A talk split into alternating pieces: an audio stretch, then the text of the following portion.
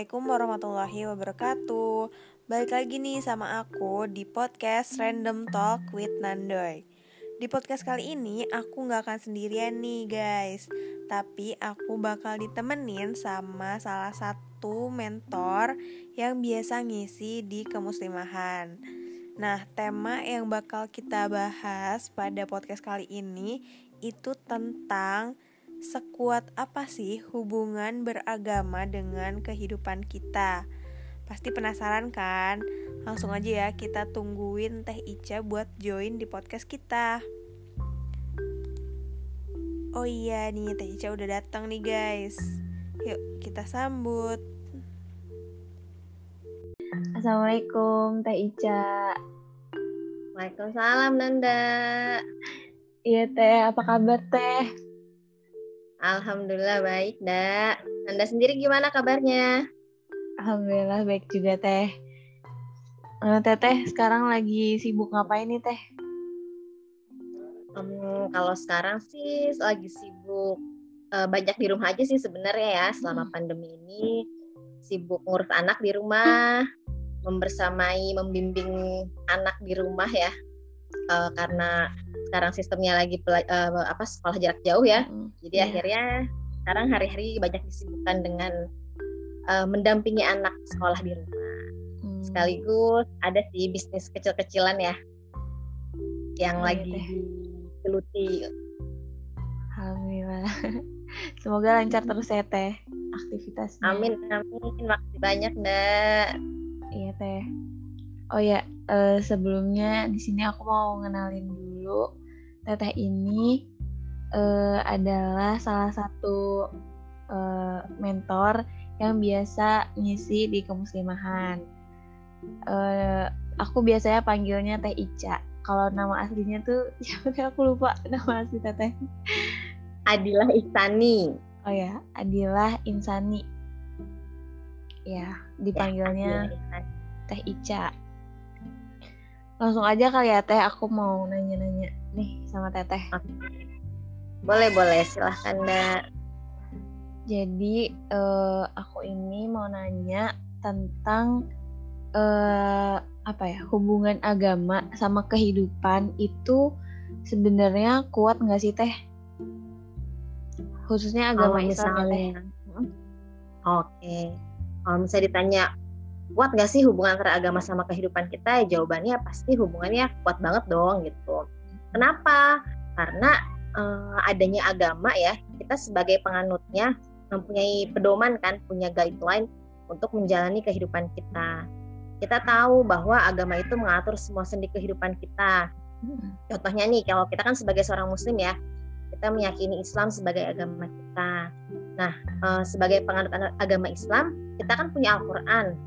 Al-Qur'an sebuah kitab pedoman kita, kitab petunjuk ya bagi umat Islam gitu di mana di dalamnya itu uh, tertera aturan, larangan, anjuran dan segala hal yang mengatur kehidupan kita agar di kehidupan kita itu uh, bisa menjadi kehidupan yang baik gitu ya. Agar manusia itu bisa menjadi manusia yang baik juga gitu. Mm -hmm. Kebayang nggak sih kalau misalnya kita tuh nggak memiliki agama gitu ya? Sudah pasti kehidupan kita tuh seperti tersesat gitu, nggak? Kita uh, pasti kan nggak punya tujuan hidup ya di dunia ini gitu. Yeah. Kita nggak punya tujuan akhir nanti setelah hidup tuh apa gitu kan. Jadi orang-orang yang tanpa agama ya hanya menjalani kehidupan tuh tanpa punya uh, apa ya pegangan gitu ya. Mereka hmm. uh, apa menjalani hidup ya udah kayak menjalani hidup seperti biasa tapi tanpa tahu goal akhirnya tuh seperti apa gitu. Uh, tidak seperti kita nih yang beragama kita kan paham paham gitu ya kita tahu betul kita diciptakan di dunia ini untuk apa kita tahu bahwa ada kehidupan akhirat setelah ini gitu. Nah, karena itu kita nih yang tahu tentang hal itu pasti akan menjalani kehidupan kita dengan sebaik-baiknya. Kita pasti akan berusaha kan untuk menjalankan semua perintah Allah dan menjauhi larangannya. Karena kita mau berakhir di surganya kelak pastinya kan. Nah, jadi kayak setiap langkah kita, setiap aktivitas perbuatan kita, pasti kita nggak akan semena-mena atau sembarangan gitu loh. Kita pasti akan berpikir baik-baik dulu sebelum bertindak gitu kan. Apakah yang kita lakukan tuh melanggar aturan agama atau tidak? Apakah yang kita lakukan itu sudah sesuai dengan uh, aturan agama atau tidak gitu kan. Jadi uh, karena kita yakin gitu ya bahwa perbuatan baik kita pasti akan digajar dengan pahala. Sedangkan perbuatan buruk kita juga pasti akan digajar dengan dosa gitu. Jadi mm -hmm. Uh, karena itu kehidupan kita tuh jadi akan terukur kan kita akan penuh dengan kehati-hatian dalam bertindak karena kita tahu ya bahwa semua aturan larangan dan anjuran yang diatur dalam agama itu ya semata-mata untuk kebaikan manusia itu sendiri jadi ya bisa dibilang tidak dapat dipisahkan antara agama dan kehidupan kita dan hmm. ya udah pasti itu tuh sangat erat banget hubungannya ndak hmm. gitu. jadi uh, ini juga ya teh agama itu sebenarnya sebagai uh, guide guide kita gitu dalam ber, dalam menjalani kehidupan. Ya iya betul. Sedangkan kalau misalnya istilahnya ibaratnya kita ini uh, kalau misalnya diibaratkan ya seperti mesin gitu ya barang-barang elektronik. Biasanya kan kalau misalnya kita beli, uh, beli barang elektronik itu kan biasanya kita dapat uh, manual booknya ya dapat yeah. buku petunjuk gitu kan. Gimana cara mempergunakan si barang elektronik ini? Apa yang dibolehkan apa yang tidak dibolehkan? Pokoknya bagaimana man, uh, buku petunjuk itu digunakan untuk bisa uh, si barang elektronik itu bisa berfungsi dengan baik gitu kan. Hmm. sama halnya dengan manusia gitu. Allah menciptakan manusia uh, beserta dengan uh, guideline-nya juga nih yaitu Al-Qur'an gitu. Di mana kalau misalnya manusia mau menjadi baik ya udah kita fokus aja ikut semua yang ada di Al-Quran itu gitu hmm. jadi memang itulah gitu gunanya ya agama ya bisa menuntun kita menjadi pribadi yang lebih baik lagi kita tahu goal kita apa ke depannya jadi ya kita punya tujuan hidup gitu jadi hidup yang kita jalani itu nggak sia-sia gitu nah kita tahu kita uh, tujuan kita hidup uh, di dunia ini apa sehingga pasti kita akan mempergunakan hari-hari kita itu dengan sebaik-baiknya gitu. Iya. Oke teh. Terus uh, aku mau nanya sih teh pendapat teh sama uh, tentang statement kalau misalkan agama itu hal yang privasi. Jadi sebenarnya aku juga di sini agak bingung sih. Sebenarnya agama itu emang bener hal yang privasi atau bukan gitu? Kayak gitu teh. Itu gimana? mungkin kalau untuk sebagian orang uh, banyak ya menganggap juga agama itu sesuatu yang privasi gitu ya karena kan memang ya memang mengandung sebuah agama itu memang hak masing-masing orang juga ya gitu iya. tapi kalau teteh pribadi ini uh, teteh tuh tidak menjadikan agama itu sebagai sebuah privasi gitu hmm. dengan teteh mengenakan jilbab aja gitu kan itu sudah menunjukkan ya bahwa teteh itu hmm. sebagai seorang muslimah seseorang yang beragama Islam gitu jadi kalau teteh sendiri tidak menganggap agama teteh uh, adalah sesuatu yang harus dirahasiakan ya. Hmm. Namun uh, tidak semua juga kan menganggap seperti itu gitu. Jadi memang perlu kehati-hatian ya jika menanyakan sesuatu itu yang berbau agama kepada orang lain gitu khususnya kepada orang yang baru kita kenal atau uh, kita tidak terlalu uh, kita tidak terlalu dekat gitu. Iya. Karena memang tidak semua merasa nyaman ya untuk membicarakan uh, hal tersebut gitu. Nah, jadi kita juga sendiri kita yang harus peka gitu untuk tidak bertanya lebih jauh gitu masalah agama kepada orang lain jika memang kita kita melihatnya tuh mereka itu tidak senang membicarakan hal itu gitu. Hmm. Nah uh, hanya saja kalau misalnya bagi teteh pribadi sih gitu dengan kita terbuka tentang agama kita justru kita tuh jadi bisa lebih bertoleransi gitu antar sesama kita. Misalnya nih kayak misalnya di suatu grup gitu ya ada ada campur lah ada muslim ada non muslim gitu. Terus mereka tuh semua pengen pergi makan ke restoran gitu Nah, biar uh, semua tuh bisa ikut, bisa hadir, bisa makan di situ, akhirnya kan pasti mereka akan mendatangi restoran yang halal atau tidak mengandung unsur-unsur yang diharamkan umat muslim ya, karena mereka kan saling tahu ya, oh iya kan uh, muslim kan nggak boleh makan uh, babi, nggak boleh uh, makan uh, apa, nggak uh, boleh minum alkohol misalnya seperti itu gitu, sehingga mereka akan membawa ke tempat uh, restoran uh, atau rumah makan yang memang tidak ada unsur-unsur yang diharapkan untuk umat muslim gitu. Hmm. biar semua punya keamanan atau kayak misalnya kita punya uh, teman orang Hindu nih kita tahu ya mereka itu kan tidak makan daging sapi ya. Jadi ya karena kita tahu dia orang Hindu ya kita tidak bisa dong memaksakan dia untuk uh, makan daging sapi gitu. Karena memang menurut uh, ajaran yang dia yakini memakan daging sapi itu tidak boleh gitu kan. Hmm. sehingga ya itu tadi ada ada kita malah jadi bisa uh, bertoleransi antar antar sesama kita gitu. Bahkan kalau misalnya untuk uh, kayak misalnya urusan kematian aja gitu ya kalau kita tahu agama dari masing-masing kita gitu kan maka saat meninggal nanti ya kita akan mudah untuk uh, menyem, menyem, eh, menyemayamkan mereka dengan cara agama yang dianutnya gitu ya Jadi kalau Hmm. misalnya menurut Teteh justru dengan terbuka tentang agama, masing-masing kita jadi punya identitas, ya kan? Kita jadi tahu, oke, dia Islam, dia eh, Hindu, dia Buddha atau dia Kristen gitu ya. Jadi kita tuh punya identitas gitu loh. Jadi malah kita tuh jadi tahu bagaimana harus memperlakukan orang lain sesuai dengan agama yang dianutnya. Itu sih menurut Teteh, Ndak. Iya sih teh, aku setuju juga sama teteh. Jadi kita bisa eh, apa ya bertindak dan ngelakuin sesuatunya tuh eh, mikir juga gitu karena Iya, Mas. menyesuaikan sama agama dianya gitu ya teh. Ya, betul, betul.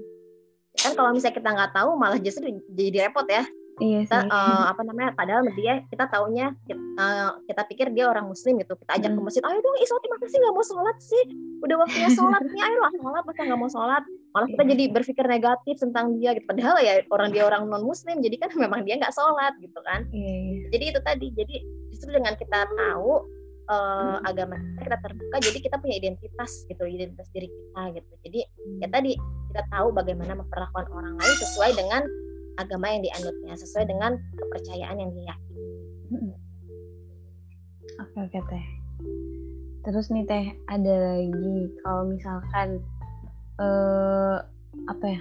Boleh nggak sih teh kita tuh sebenarnya eh, konotasinya bukan mencampuri sih, tapi kayak lebih ke eh, apa ya? Hmm, gimana ya teh aku jelasnya? Tapi bisa bisa dibilang ini sih mencampuri agama orang lain gitu. Tapi nggak bukan tujuannya tuh mencampuri di sini tuh bukan maksud apa yang ngatur-ngatur dia gitu tapi lebih ke kayak ngingetin dan lain-lain kayak gitu loh teh. Oke. Nah kalau Terus? misalnya iya teh ya lanjut, kenapa ada yang lagi yang mau ditambahin enggak oh iya tadi nih. pertanyaannya. Terus kalau misalkan dalam beragama emang boleh nggak sih teh gitu kita ikut eh, ngurusin juga agamanya orang lain gitu? Oke. Nah, jadi kalau misalnya konteksnya itu kalau mencampuri ya eh, dengan kita tuh misalnya memaksa orang untuk tidak yang tidak seagama sama kita untuk masuk ke dalam agama kita ya itu mah jelas nggak boleh ya gitu. Mm-mm. Karena kan kalau dar- dalam surat Al-Kafirun sendiri gitu di ayat 6 ya kan sudah jelas ya bahwa Mm-mm. eh, apa untukmu agamamu dan untukku agamaku gitu. Jadi kalau misalnya Islam sendiri sudah memberikan toleransi yang tinggi gitu terhadap orang-orang yang berbeda agama kita dianjurkan untuk tidak saling mencampuri agama orang lain gitu. Silahkan dia dengan keyakinannya dan kita juga dengan keyakinan kita gitu. Kita saling bertoleransi untuk menjalankan agama sesuai dengan keyakinan masing-masing. Mm-mm. Nah, hanya saja kalau misalnya untuk sesama umat Islam gitu mencampuri agama dalam rangka amar ma'ruf nahi mungkar ya atau perintah untuk menegakkan kebenaran dan melarang kemungkaran, ya itu wajib hukumnya. Kalau kayak tadi kan Anda bilang maksudnya untuk mengingatkan gitu ya. Iya.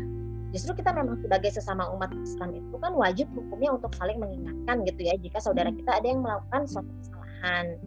Nah, hanya saja yang diperhat- yang perlu diperhatikan itu adalah bagaimana cara penyampaian ke kita gitu. Hmm. Adab dalam mengingatkannya juga yang harus diperhatikan gitu. Jangan sampai membuat orang yang kita tegur itu jadi tersinggung gitu ya. Hmm. Jadi kalau eh, konteksnya mencampuri untuk mengingatkan kesalahannya, ya itu sih tidak ada masalah ya. Karena kan memang itu sudah kewajiban kita sebagai sesama muslim gitu. Iya. Hanya tadi adabnya yang harus betul-betul diperhatikan. gitu. Jangan sampai kita mengingatkan malah bikin orang yang diingatkan tersinggung dan malah jadi akhirnya eh, apa yang kita sampaikan padahal baik malah jadi akhirnya nggak diterima sama dia gitu kan karena cara kita mengingatkannya itu yang salah gitu ya tuh jadi memang harus eh, betul-betul diperhatikan adabnya Hmm. Terus teh emang eh, segimana sih teh batasan kita dalam mengingetin orang lain? Terus eh, apa ya teh? Kan kita juga dalam mengingatkan ya ah, mungkin ada orang yang eh, harus benar-benar diingetinnya tuh secara lembut banget. Terus eh, ada juga orang yang menyampaikannya itu ya menurut dia biasa aja, tapi kata orang lain tuh kayak terlalu gimana gitu. Nah, itu kayak gimana sih Teh? Apa kita emang harus menyesuaikan sama orang-orangnya atau kayak gimana gitu Teh? Kalau batasannya itu sendiri eh, yang pertama ya Pertama kalau misalnya kita mau mengingatkan orang itu kita harus ikhlas dulu karena Allah. Niat kita nih niat kita itu kita ikhlas karena kita memang mau menegakkan agama Allah gitu ya. Jadi bukan sekedar uh, hanya mengingatkan karena uh, pengen pamer oh kita ini lebih berilmu gitu ya dibanding dia gitu kan. Yang harus pertama kali dijalankan adalah itu tadi niat yang ikhlas karena Allah karena untuk uh, menegakkan agama Allah gitu. Nah lalu yang kedua uh, sebaiknya kalau misalnya mengingatkan orang tuh uh, diam-diam ya gitu. Kalau bisa ya hanya kita dan orang yang diingatkan saja yang tahu gitu ya. Jangan kalau, kalau sekarang kan zamannya medsos gitu ya. Mungkin banyak ya misalnya kita ngeliat ih uh, sesuatu yang nggak uh, seharusnya gitu ya. Hmm. Terus kita langsung komen di kolom komentarnya gitu ya. Jadi semua orang yang ngelihat itu bisa bisa ngelihat komentar kita. Hmm. Padahal uh, kita kan bilang iya maaf ya saya uh, aku cuma pengen ngingetin doang kok gini gini gini gini misalnya hmm. tapi kan itu adabnya kurang bagus ya nggak pantas ya karena mengingatkan di depan orang banyak yang orang lain bisa melihat gitu hmm. sehingga takutnya malah jadi mempermalukan kan mempermalukan uh, orang yang kita ingetin hmm. gitu yang pasti kita mengingatkan itu uh, harus dengan kasih sayang juga gitu kepada yang dinasihati. Dengan lunak ya dengan ramah dengan ramah. Kita juga uh, tidak menggunakan kekerasan memang uh, harus seperti itu gitu ya. Hmm. terus sabar tenang gitu. Dan yang pasti itu kalau kita sudah mengingatkan kita nih yang sudah mengingatkan jangan sampai kita mengerjakan apa yang kita uh, apa apa yang kita nasihatin ya. Hmm. orang itu misalnya orang itu uh, pakai baju seksi-seksi gitu ya. Kita ngingetin aduh jangan pakai baju seksi-seksi dong. Eh tapi ternyata kita sendiri melakukan hal itu. Nah itu jangan sampai kayak gitu ya. Kita udah ngingetin tapi ternyata kita sendiri melakukan hal yang sama. Nah kalau misalnya uh, karakter orang ya tentang masalah karakter orang itu kan beda-beda ya. Mungkin ada orang yang lemah lembut memang bisa mengingatkannya, ada juga yang mungkin bau bisanya tuh yang lebih keras gitu ya. Cuma kalau misalnya kita lihat dari uh, contoh-contoh Nabi Muhammad aja, pernah nggak coba ada ada riwayat yang meriwayatkan Nabi Muhammad itu misalnya mengingatkan dengan kekerasan gitu kan? Pasti nggak ada kan ya? Nabi iya. Muhammad itu kan mencontohkan kita untuk mengingatkan kalau ada yang salah dengan lemah lembut gitu. Kayak waktu contohnya tuh waktu itu pernah ya uh, di sebuah uh, masjid ya ada seorang badui datang terus uh, dia nggak tahan pengen uh, buang air kecil ya terus uh, dilakukanlah di masjid itu gitu sahabat yang ngelihat langsung emosi kan marah besar gitu masjidnya di di apa di, uh, apa di kencingi ya oleh si orang Badui itu. Tapi kan Rasulullah apa? Rasulullah kan melarang untuk uh, mereka langsung frontal marah ke si orang Badui itu. Kenapa? Karena memang orang Badui itu kan nggak nggak tahu ya itu apa ya. Dia nggak tahu itu masjid gitu kan. Dia nggak tahu kalau misalnya itu tuh uh, tempat yang suci ya, sehingga tidak boleh uh, melakukan hal itu gitu. Karena tidak tahu itu, ya makanya Rasulullah itu juga uh, tidak serta merta langsung marah ke dia, gitu kan. Nah jadi kalau misalnya ada orang-orang yang mengingatkan kebaikan tapi dengan cara kekerasan misalnya kalau itu teman kita sendiri hmm. ya baiknya kita bisa ngomong langsung ke dia gitu mohon maaf nih kita jadi jadi mengingatkan juga gitu mak hmm. uh, aku tahu kok kamu yang kamu uh, sampaikan itu baik gitu kan nah tapi mungkin kayaknya bagusnya gaya bicara kamu jangan terlalu keras deh gitu atau ya kita, jadi sama-sama saling mengingatkan juga gitu karena pada dasarnya manusia itu kan nggak suka ya kalau dimarah-marahin ya. hmm Kalau misalnya diingetin yeah. sambil marah-marah gitu kan, malah kita jadi yang ada makin emosi kan gitu. Biasanya orang yeah. kalau misalnya diingetin dengan uh, ramah dengan lemah lembut itu tuh justru lebih masuk ke hati kan gitu dibandingkan yang marah-marah kayak gitu. Jadi memang uh, Rasul tuh udah mengajarkan kita, udah mencontohkan kita kalau misalnya kita mengingatkan seseorang itu harus dengan lemah lembut. Jadi ya kita sebagai umatnya ya udah kita tinggal mencontoh Rasulullah aja kalau misalnya ada sesuatu yang buruk terjadi di depan mata kita ya kita ingatkan orang itu dengan lemah lembut. Hmm. Oke teh mungkin itu aja sih yang mau aku tanyain uh, sekarang. Uh, makasih juga udah nyempetin hadir di podcast aku ya teh.